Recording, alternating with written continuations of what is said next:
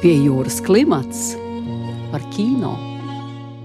Labdien, mīļie radio klausītāji! 27. aprīlī savu Latvijas pirmizrādi piedzīvoja ilgi gaidītā brāļa ābeļu filma Nemierīgie prāti. Filmas starptautiskā pirmizrāde notika Tallinas festivālā Melnās naktis. Nemierīgie prāti stāsta par diviem brāļiem māksliniekiem, kur gatavojas jaunai izstādei, lai arī abiem šķietam atšķirs uzskati par to, ko vēlas ar savu mākslu panākt. Psihedēliskā drāma ved skatītāju cauri bohēmai, pagrīdes uzdzīvei, mākslas aizkulisēm un sarežģītajām saitēm, no kurām sastāv brāļu attiecības. Filma Nemierīgie prāti uzdod jautājumu, kas ir un kas nav normāls, un vai vispār tāds jēdziens pastāv. Galvenajās lomās redzami Toms Auniņš un Mārcis Lācis. Filmas režisori un scenārija autori ir Lauris un Raits Sābeli, operators Mārcis Sābeli. Filma tapusi Tritona studio, un tās producenti ir Raits Sābeli, Kristela Pudāna un Roberts Vinovskis. Lai pastāstītu par filmas tapšanas procesu, šodien studijā viesojas brāļa Ābeles - Lauris, Raitis un Mārcis. Sveicināti! Sveiciens! Sveiciens! Sveiki visiem! Kā jums vispār radās ideja veidot šo filmu Nemierīgie prāti? Kas bija pirmais impulss un ideja? Pirms varētu atbildēt šo jautājumu, gribētu izteikt tev komplimentu, Marta, ka tava balss radio ēterā izklausās ļoti labi. Paldies! Ir sevišķi šeit, austiņās un studijā. Ideja, es teiktu tā, ka šī bija viena no tām filmām, kuru šķiet mēs nevarējām neveidot, jo bija kaut kāds tāds enerģijas vairāku gadu laikā uzkrājums, kas bija jārealizē un likās, ka par to ir jārunā. Viena no filmas tēmām ir psihoemocionālie traucējumi, un mums ir pieredze, dziļa, intīma, tuva pieredze ar mūsu labu draugu, kam mēs esam gājuši cauri noteiktā dzīves periodā, un likās, ka par to ir jārunā, bet par to ir jārunā nevis drūmi, drūmā veidā, bet par to jārunā. Likās, ka dzīve apliecinošā veidā, kā tas ir sanācis, to lems skatītājs, bet uh, bija tāds, kā teikt, morāls pienākums, kaut kāda sajūta, ka vajadzētu mazināt sabiedrības stīgumu par to, kas ir normāls un kurā brīdī mēs nosavietojam svīru un sakam, nē, tas vairs nav normāls un mēs no tā atsakamies. Tas jau varbūt ir tāda mūsu tā klusā misija. Viņai tā filmai nav tāda liela misija iet un mazināt to stīgumu. Tas ir tā, ka mēs ceram, ka tas var kaut kādā veidā nostrādāt. Bet tā kā konkrēti ar šo mūsu bērnības draugu piedzīvot, piedzīvots ļoti skumjas un traģiskas lietas, bet tie pašā reizē pilnīgi traks un absolūti smieklīgs un absurds. Un līdz ar to tas viss, ko brālis saka, tie visi tie notikumi, viņi vienkārši prasīt, prasījās, ka mēs viņus iemūžinam, jo vēl kas ir interesanti, mēs savā ziņā, ja tā atskatās, tā kā magnēts, kādā veidā pievelkam cilvēkus ar mums draugu gan bipolārai, gan ar šizofrēniju, gan tam līdzīgi. Varbūt, tāpēc, ka, ja mēs braucam grupā uz gan, koncertu, gan vienkārši ārkārtīgi, ārkārtīgi īpatni cilvēki. Un tas ir pilnīgi normāli, ka mums līdz uz koncertu brauks viens draugs, kurš iznāca tikko no trakonām, viņam blakus draugs ir, kuram šizofrēnija, brālis studē psiholoģiju, viņš saka, ka viņš redz, ka viņam rokās sieviešu somiņa, tad brālis mēģina viņam paskaidrot, ka viņam nav tā somiņa, un mums ir visai tai draugu kompānijai tas ir pilnīgi pieņemami, ka tādi cilvēki tā kā ir, un tāpēc mēs reiz pat varam tā smejoties, atskatīties, vai kāds mums saka, kāpēc jums tik daudz ir apkārt, teiksim, nu, ko sabiedrība bieži uzskata par īpaņiem, bet mēs kaut kā esam pieņēmuši daudz gadu garumā, kad vienkārši pa laikam kāds tāds uzrādās. Un, protams, ir arī traģiski momenti, kas ar tiem cilvēkiem notiek. Bet viņi nav tikai par tiem traucējumiem, tas vienkārši viens no varoņiem ir tāds. Taču, jā, laikam jāsaka, ka filma ir uh, par brāļiem. Un tas ir kaut kas, ko mēs ļoti labi pazīstam. Filma ir par diviem brāļiem, mēs esam trīs, līdz ar to mēs tur tajos divos varam ielikt nedaudz vairāk, pat triju brāļu attiecības iekšā. Varbūt jūs varētu pastāstīt tieši par to mākslas vidi, ko jūs rādat filmā, no kā jūs iedvesmojāties un kā vispār arī tapa tie mākslas darbi, kurus mēs pēc tam redzam filmā. Mēs paši nākam no mūzikas vidas, vairāk gadu garumā, kur esam spēlējuši koncertus, pagrīdes koncerts, lielāks koncerts, un esam tajā vidē, ko labi pazīstam. Un arī mūsu draugs nāk no šīs mūzikas vidas, kas ir prototyps vienam no varoņiem. Taču scenārijā sapratām, ka veidot par to, ko mēs ļoti labi pazīstam, varbūt mums būs pārāk neobjektīvs tas skatījums. Un savukārt mākslas pasaule ir kaut kas tāds, kur mēs esam kopš bērnības, pirms mamma mākslinieca un vispār kopš draugu kopienas, kas mums ir aicinājuši iegājusi iekšā un vedusi. Mēs to vidi pazīstam. Taču ir ļoti daudz draugu mākslinieku, kas ar filmā piedalījās, un tas viss ir viņu svētība, tā kā mēs aicinājām padzīt vēl kopā. Tieši tā tie mākslas darbi ir pašu laikmatīgo mākslinieku ziedoti vai radīti speciāli filmai, vai kādā sadarbībā izstrādāti, kas palīdzētu scenārijam. Bet šī filma, es teiktu, tā nav arī pa mākslu. Square filma, kura ar ļoti, ļoti lielu ironiju skatās uz laikmatīgo mākslu. Protams, tie paši mākslinieki ieliek kaut kādu ironiju, tāpat kā ja mēs skatītos uz roka mūzikas vidi, mēs arī liktu tādu jautru skatījumu. Un tur, kur mums Kaspars Grošs un Golfs Klaidermans un, un tā kompānija, viņi jau visi uz to pavilkās, jo vienmēr jau ir forši pašam ar pa sevi pasmaidīt, un viņi tā kā ne tieši pa sevi varbūt, bet pa to noteikto šķautni, kur varbūt, teiksim, tādu, pa var pasmaidīt. Un, bet, teiksim, viena no filmas galvenajām aktrisēm, Daniela Vētra, kur arī ir performanču māksliniece, transformēja vienu no saviem darbiem speciāli filmai, padarīja to mūsuprāt vēl jaudīgāku ar milzīgu ventilatoru. Tur viss tā nopietnu. Tas, tas tiešām notiek pa īstam. Ir milzīgs ventilators ar izpletnes, tas tiek pūsts, un viņai jānoturās pretim ar savu spēku, un viņu vēl pa gaisu projām. Un tāds mākslas akts, mēs viņu nedaudz pārvērsām vizuāli, vizuāli savādāk, un lokāciju mainījām, taču tas ir īsts mākslas darbs. Viņš man šķiet, ka nepastāv, jo mums bija filmā ideja, ka vajadzētu aizdedzināt to izpletni. Taču tad sapratām, ka to mēs nedarīsim, bet vēlāk vienā citā performancē Daniela pati viņu nodedzināja. Tā kā iespējams ir vajadzīgs jauns izpletnes, ja kādam ir liekas liels izpletnes, droši ziedojiet māksliniekiem, māksliniekiem noderēs. Pie jūras klimats par kino. Varbūt varētu mazliet pastāstīt tieši par vizuālā tēla veidošanu, kā bija filmēt šo visu, jo filmā ir dažādas gan projekcijas, gan viens no varoņiem arī filmē ar analogo kameru, kā tika veidota šī daudzveidīgā vizuālā valoda, kā tā tika izveidot, lai tas veidot vienu kopumu pie lokāciju izpētes un jau filmas plāna izstrādes mēs vienojāmies, lai ir eh, vienāds vizuālais stils. Un projekcijas, atspīdumi kamerā, spoguļi, gaismu kontrasti. Es domāju, to skatītājs pamanīs filmā. Arī varbūt kameras kustība vienā filmas daļā ir aktīvāka, un tad, kad ir ceļojums uz ziemeļiem, varbūt jutīs, kad viņi nomierinās, bet tas jau ir jāatstāj skatītājiem vērtēt. Strādājot kopā ar kino mākslinieci Zandu Zeidaku, viens no uzdevumiem, kas bija mārcim tieši uz Zandu sastrādājoties, panākt to, ka visas lokācijas, visi elementi ir ar ļoti lielu tekstūru. Un tādā veidā radīt to klātesamības sajūtu, ka mākslas darbi ir īsti, telpas ir īstas, vides ir īstas, arī ar grimu mākslinieci. Ievu Sebri mēs radājam, lai aktieri neizstās nopūderēti, lai viņi izstās tā, kā mēs redzam šobrīd viens otru, tikai vēl ar kameru, ja pieeja tūmā, un tas ir uz lielā kino ekrāna palielināts. Tā tekstūras sajūta bija ļoti svarīga filmā, un es ceru, ka to arī skatītāji sajutīs. Kad Mārcis var pateikt, jā, ka tas piedod klātesamību, un tas mums bija ļoti svarīgi. Tas nebija tā kā objektīvs, izskaistināts kino kadrs no malas. Un attēlam beigu to krāsu paleti vēl Andrejs Rudzāts krāsu korekcijā finalizēja. Jā, krāsu korektoram interesanti pieredze, kad viņš izkrāsoja filmu, viņš jau saņēma savu honorāru, darbs ir darīts. Un pagāja ar visiem Covid apstākļiem pusgads, un Andrejs saka, es domāju par to filmu, un es esmu sapratis, ka viņu ir jāpārkrāso no jauna visu. Man liekas, ka var labāk. Es saku, nu jā, vajag labi, ka tu tā domā, bet mums jau vairs nav budžeta tam, jo tas ir darīts. Viņš saka, to es saprotu, es to izdarīšu pats, jo es vienkārši zinu, ka šai filmai ir nepieciešama labāka krāsa korekcija. Un tas ir tas nemierīgais prāts, kas neliek mieru un saka, tu vari labāk. Jūs varbūt varat pastāstīt par to, kā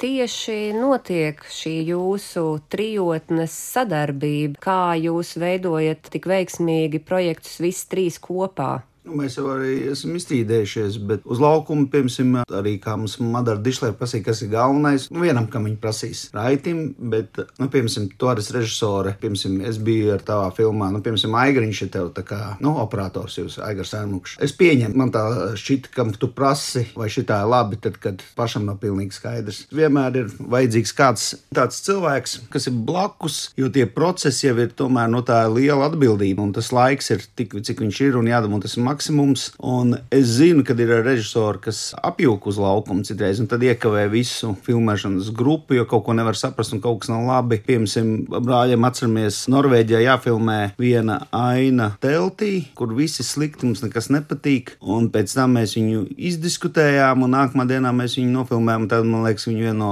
tādām emocionālākajām, labākajām visā tajā filmā. Bet tas process nenotiek tikai no tā, ka tikai pats uzreiz sapratīs, kur ir problēma vai tam līdzīgi. Nē, nu tā arī var izdarīt bet vieglāk ir, ja tev ir kāds cilvēks, kuram ir līdzīgas vērtības, vienāda gauma te, un kurš pateiks, klausies šajā mūsu manierē, vai šitā un šitā. Kas ir tas bonus atkal? Pirmā režisora asistentē Madarai Dišlerē prasīja, pasak, kas ir mūsu vājās vietas. Viņa teica, nu, jums viss ir super, bet katru dienu, vienu stundu jūs uzkraties un par kaut ko ilgi, sīki diskutējat. Viņi nesaprot, kur īsti ir problēma, un pēc tam atkal viss filmēšana nākamās 9 stundas aiziet ideāli. Nākamajā dienā atkal kaut kad vai no rīta vai vakarpusē ir viena stunda, kad ir kaut kāda dziļā problēma, kas ir jāatrisina. Viņi nesaprot, kur īsti ir tā sāls, bet kad tas tiek atrisināts, atkal viss aiziet kā pa sviestu. Tā kā jā, mums laikam vajag vienu to neproduktīvo stundu, kura visticamāk ir arī produktīva savā ziņā, kurā ir jāpierāda vienam otram viedoklis, vai jāizstāv, vai jānoskaidro, kur vispār ir viedoklis. Kas ir tās atšķirības, kad tu filmē ar saviem brāļiem un kā ir, kad tu filmē ar pilnīgi citu režisoru?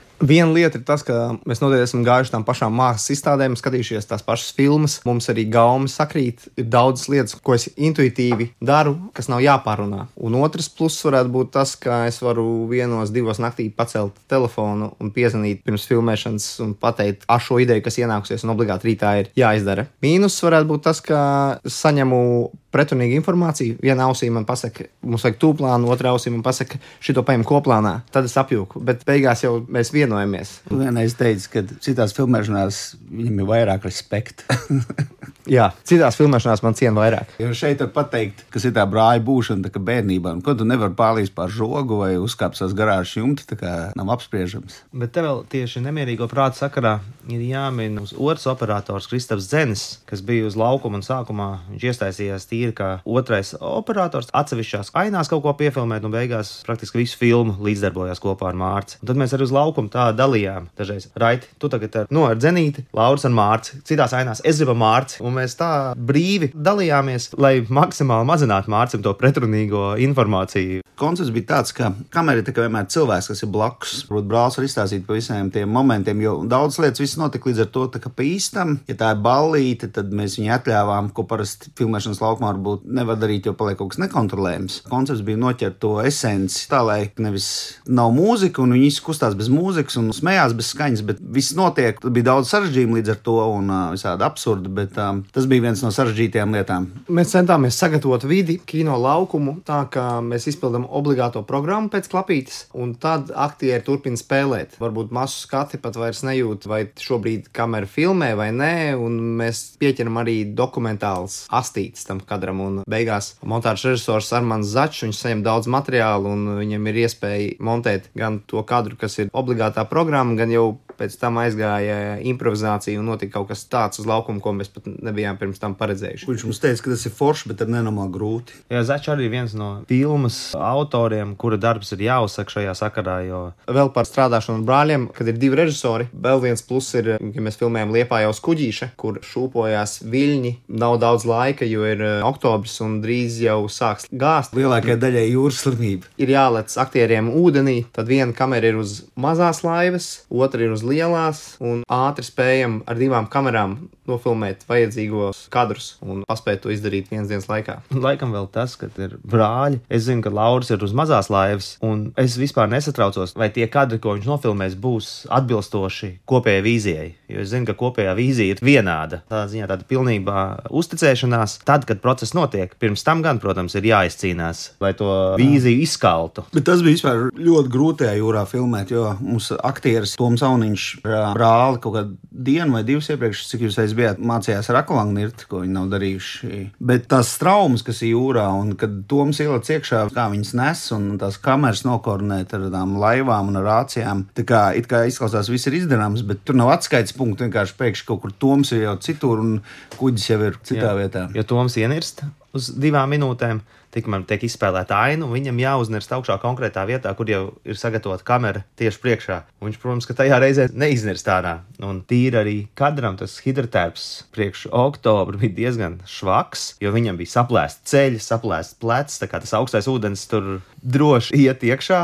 Un savukārt mākslinieks lācis lec tajā ūdenī iekšā, un viņam ir jāpeld ar drēbēm visām, tā kā glābjot brāli nezināmā attālumā, jo mēs īsti nezinām, kur Toms iznirs ārā. Nē, nu, viņi malači visu izdarīja, bet viņi bija beigās. Mārcis Lācis bija diezgan ar to visu to lielo, kas viņam tas hūdijs un, uh, man liekas, kurps pat kājā bija. Nav forši peldēt uh, oktobra jūrā bez krasta. Un kā teica aktieris Mārcis Lācis, kas ir arī režisors, ka šī varbūt ir karma un šie visi piedzīvojumi viņam nāk par to, ko viņš ir līdz saviem aktieriem darīt. Teātrī vairāk gadu garumā. Pie jūras klimats par kino. Kā jūs atradāt Tomu, Auniņu un Mārciņu Lāci kā šos brāļus savai filmai? Cik ilgs jums bija vispār aktieru atlases process, vai jūs jau uzreiz zinājāt, ka jūs gribētu viņus? Nē, Toms mums bija tajā tīzerī, kas ir jānofilmē pirms filmu. to filmējām jau Un viņš- 2016. gadā. Un viņš bija otrā brāļa lomā. Un tagad mēs taisījām lielāko castingu, kādu mēs nu, esam taisījuši. Es pieņemu tieši priekš šiem galvenajiem varoņiem, jo, lai atrastu to, ka tie ir divi brāļi, tur ir kaut kas ne tikai. Kur ir vizuāla līdzība, bet kaut kāda viena maniera, kas ir tādā smalkākā līmenī, kur mēs varam tikai sajust, nevaram tā īsti nodefinēt. Vieni joki, nu, labi, draugi arī tas pats jau būtībā, kas brāļi vai māsas. Tomam, kad es piedāvāju nākt uz castingu, viņš bija bijis tāds, tā kā, nu, jūs jau man zinat, tā kā, ko tiem sev vajag, bet tas bija nepieciešams, lai to simbiozi atrastu ar tiem abiem personāžiem. Un beigās izrādījās, ka viņi abi divi vēl ir īstenībā draugi, ko mēs galīgi nezinājām. Viņi kopā tur tusējās un spēlēja mūziku. Un, uh, Un Mārcis Lācis zināja, ka Toms tiek skatīts kā otrs brālis, ne otrādāk. Sadarbībā ar laika kastingu mēs veidojam tā saucamo open call. Likām sludinājumus, ka cilvēki varēja pieteikties. Un Mārcis Lācis tieši tādā veidā pieteicās pats, redzot sludinājumu. Pats tajā laikā bija Berlīnē, no turienes atrakstīja ziņu, es gribētu atnākt. Un mēs mēģinājām arī dažādus aktierus ar viņu īstajiem brāļiem, kas nav aktieri. Un uh, lielākoties šajos kastingos sanāca, ka gan pats aktieris, gan brālis, gan mēs kā režisori visi tā vienmalsīgi. Nē, nu nebūs. Nē, nē. Un brālis saka, es taču jums teicu, ka neba velti. Viens brālis ir aktieris. Cik daudz jums scenārijā bija atvēlēts laukums, brīvība šai improvizācijai? Piemēram, arī šie tēli, ko brāļi satiek, vai tie visi ir aktieri, vai tie ir tiešām nejauši uz ielām satikti cilvēki? Aktieri zināja pusi no scenārija. Mēs nekad neteicām filmas beigas, lai aktieris jau nesāk izspēlēt to, kas varonim vēl nav zināms. Un šķiet, ka tā sistēma un tā pieeja strādāja šajā filmā. Filmējāmies rudenī, vasarā mēs ar aktieriem filmējām testus un praktiski pārrakstījām visus dialogus tā, lai viņi būtu viņu runai atbilstoši. Arī pirms katras dienas mēs iepriekšējā vakarā gājām cauri dialogiem un mēģinājām viņus padarīt, lai viņi ir pēc iespējas naturālāki un tam varonim un tai sajūtai atbilstoši. Mēs vasarā aizbraucām uz Liepāju savu kameru un izdarījām mājas darbu kaut kādām tam sarežģītajām mainām, jo tā ir pirmā spēle filma, lai mēs neesam uz laukuma apjukuši, lai pārbaudītu to mūsu manieru ar kameru, nu to, teiksim, nosauksim to klātsamības stilu. Tā kā dialogi mums bija zināmi, taču vides, ko mēs radījām, vai tas būtu Naksnīgā Rīgas pilsēta, vai tā būtu izstāde, vai tās ir ielas, aktieriem tika dota iespēja komunicēt ar cilvēkiem arī tajā vidē. Un pēc katras šādas komunikācijas uzreiz mums bija mūsu režisora departamenta asistents, kas piegāja pie šiem cilvēkiem, teica, labdien, jūs nu pat kā esat nofilmēti filmā, lūk, ir uh, līgums, vai jūs būtu gatavi, ka jūs tiekat iemūžināti. Tādā veidā arī tika nodrošināta liela daļa dokumentālā klātbūtne. Un šķiet, ka tas arī aktieriem deva tādu zināmu drošību, ka mēs zinām, ko mēs darām, bet mēs varam nedaudz, nedaudz iet uz priekšu. Nu, jā, kamēr iekļaujās konceptā un notiek dramaturgiski tas, kas ainā paredzēts, un dialogiem improvizācija neaiziet, varbūt jau mūsuprāt kaut kur var pazust kaut kādam jēgu, un tad to nevar pazaudēt. Bet kamēr tajā konceptā darbojās, tikmēr mums jau viss ir tikai labāk. Kopumā jāsaka, ka mums vispār filmēšanas procesā veicās. Tur, kur bija riski un varētu kaut kas aiziet tā, kā nevajag, notika vēl labāk. Vai Kinodievs mums. Mēs viņam ziedojām Vai tie ir ziemeļbrieži, kas iznāk uz ceļa, vai tie ir nejauši sastapti Agenskalna naktas stundu garām gājēji iedzīvotāji, kas piedalās ainā, vai tie ir laikapstākļi, kas saulīt, kas ienāk tieši tajā brīdī, kad eh, likās, ka viss būs apmācies un šodien ir jābeidz filmēt. Tas bija Norvēģijā. Mēs esam aizbraukuši, mums ir tik, tikai dienas, un mēs braucam ar to traileri. Tāpēc mums jānofilmē ceļš, un Norvēģija dārga. Un vispār vēl varētu Šveicē braukt, filmēt kaut kur. Tas būtu tikpat prātīgi. Un mēs esam kalnos, un kalnos ienāk migla. Tā kā mums kaut kāda pieredze ar vairāk kā 20 gadus ar snowboardu, mēs zinām, ja kalnos ienāk mākslinieks vai kas viņš iesēžās, un tas var būt uz dienu, varbūt uz divām. Un mēs smējamies, ka viss, ko var redzēt, ir tikai klints zem kājām. Mēs varētu kaut kādā paviljonā piepūst ar dūmiem, sapūst makrofleks apakšā un teikt, ka mēs esam Norvēģijas kalnos. Un mums bija tāda maza blašķīte. Tas tieši tā arī notika, kad vienkārši tāds, nu, mēs kaut ko jau sākam filmēt, un tie kadri arī filmā, viņi izstāsta ļoti smuki, ka tikai tās klints redz, bet, nu, tā kā mēs neredzam visu to epiku, to bezgalīgo augstumu, kas ir apkārt, un tad mēs ziedojam kinodievam, izlējām to blašķītu uz klints, un momentā, gan izskat 20 minūšu laikā, sāk spīdēt aizvien vairāk saulīti, jau parādījās cerība, un tad tieši brālim izdevās notvert tos kadrus, kad šis aizplīvojums izklīst, un mēs ieraugam šo dabu, saule ir jau slīpi, un mēs dabūjām viens no tādiem, man liekas, episkākiem kadriem. Tad mēs secinājām, ka senā praksa, ka kinodievam kaut kas jāziedot, neviens viņu nav atcēlis. Par kinodievu mēs saucam dabas un apstākļu sakritību, ko pasaule iedod. Priekš kino kadra. Tās dāvanas var izmantot tikai tad, ja grupa ir draudzīga. Ja grupa ir draudzīga un funkcionāla, tad uh, mēs spējam notvert tās mums dotās iespējas. Un jāsaka, grupa mums bija ļoti saliedēta. Pie jūras klimats par kino. Kas jums katram ir šis nemierīgais prāts, ko tas jums nozīmē? Tas ir ļoti labs jautājums. Un es teiktu, ko man brālis var papildināt, kā klīniskais psihologs. Nē, es esmu klīniskais psihologs, man ir tāda izglītība. Nu, kā cilvēks ar tādu izglītību, bet uh, mēs staigājam no šī normalitātes uz augšu, uz leju, un kāds iet vairāk vai mazāk, un tad mēs kā sabiedrība vienojamies, ka kopumā mēs pieņemam, ka šis ir tā pareizā tā līnija, un šis jau tā kā pa daudz. Bet vēl tas nemienīgais gars arī plašākā nozīmē, man liekas, ka mēs katrs ik pa laikam kaut kādā posmā dzīvē, ka mēs esam kaut kur nevietā, un tad mums ir iekšā nemieris, un tad mēs griežam zobus, vai mēs trakojam, vai kā kurš dara. Un šis nemieris ir tāda meditācija katram, kā mums no viņa tikt vaļā, bet katrs prāts kaut kādā mirklī nemierīgs. Nezinu, kādai bērnībā, ja viņu klasē apcēla, vai pēc tam vēlāk, kad nevar atrast dzīvē kaut kādu mieru, mīlestībā, vai ģimenes dzīvē, vai karjerā. Ja? Un varbūt vecumdienās es esmu saticis ļoti nemierīgs cilvēks, kaut kādus skaņmeža mākslinieks, kas ir gatavi vienkārši visus nosvilināt apkārt. Tas tāds, kā es uztveru laikam tos nemierīgos prātus. Nemierīgam vārdam tāda ir negatīva konotācija saistīta ar trauksmi, tieši no psiholoģijas viedokļa nemieras trauksmi. Tad šajā gadījumā šīs filmas saistībā tas vairāk ir par to, kas ir cilvēks un ka cilvēkam liekas, ka viņam kaut kas ir jāizdara, ka viņam kaut kas ir jāpaveic, vai tas ir radošajā sfērā, vai tas ir ģimenes sfērā, vai tas ir savā izglītībā, un ir kaut kāda misija, kaut kāds nemieru gars, kas dīda, teiksim, Mārs Bērziņš, rakstnieks pēc filmas teica, nu tā jau tāda forša pa 40 gadnieku krīzi, kad vēl liekas, ka kaut ko vajag dzīvē izdarīt, bet nekā jau nav. Es domāju, ka katrs filmā sastīs kādu savu aspektu nemierīgam prātam, nemierīgam garam. Tas nemierīgais gars, tas radošais gars, kas atšķir mūs no dzīvniekiem. Mums vajag kaut ko dzīves laikā radīt, vai uzbūvēt māju, vai nojaukt māju, vai, nojaukt māju, vai nodedzināt pļavu. Kaut kāda misija ienāk galvā, ka vajadzētu pielaist kūlai uguni un šito visu izdarīt. Es domāju, ka kūlas dedzinātāji ļoti labi saprot to nemierīgo prātu. Nemierīgs prāts var būt arī naktī, kad nevar iemigt. Tad varbūt par to nevajag satraukties un domāt, domāt, ka rīts slikti performēs darbā, bet atpazīt to nemieru un varbūt meklēt risinājumus, kā kļūt mierīgam šajos nemierīgajos laikos. Kas būtu tas, ko jūs vēlētos, lai skatītāji paņem sev pēc šīs filmas noskatīšanās?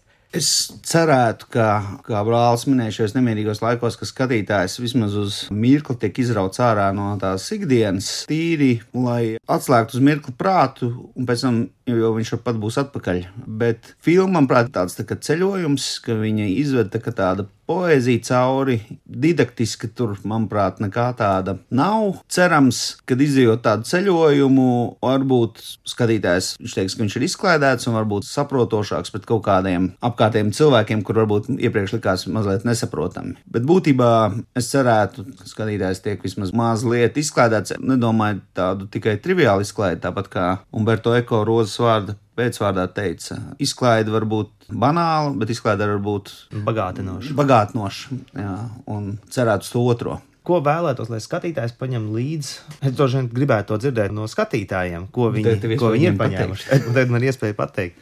Man šķiet, ka savā ziņā tā filma ir tāda ode vai veltījums noteiktai paudzei, noteiktam pasaules skatījumam, un, kā Lauris minēja, skatītājiem ir iespēja ieskatīties kaut kādā vienā noteiktā skatījumā, ko varbūt uh, kāds nav vēlējies izprast. Un man šķiet, ka tas ir tāds kaut kāda pievienotā vērtība, kas tajā filmā ir. Plus vēl tas doties nelielā ceļojumā, jo tas ceļojums ir sākot no Baltijas jūras dzelmi līdz sāmu šamaņiem.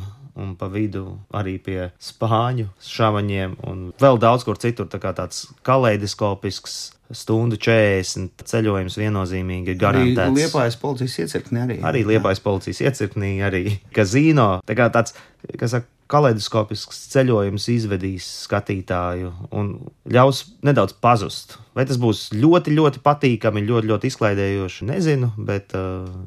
Man nebūs atbildes jautājumu, ko viņam paņemt līdzi, bet es aicinātu nākt uz kino un skatīties uz lielā ekrāna un filmu vērot kinotētrī, kur arī ir skaņu sistēma paredzēta. Papildinot to, jā, kad mēs taisījām filmē skaņu turpat, kur Tumārs taisīja savai filmai. Un, kā mēs jau esam teikuši, bet Latvijas rādio to var atkārtot. Mēs nezinām, vai filmu labi to vērtēs skatītājs, bet mēs esam diezgan pārliecināti, ka skaņa labi un viņi jāklausās kino. To mēs tā kā droši varam teikt. Paldies jums par sarunu. Paldies tev, ka uzaicināji mūs. Paldies. Paldies klausītājiem. Paldies! Un tiekamies seansos. Mēs mēģināsim atbildēt uz skatītāju jautājumiem, ja izdosies satikties tajos seansos, kuros mēs būsim. Bet tuvākās divas, trīs nedēļas mēs mēģināsim ceļot apkārt pa kinoteātriem.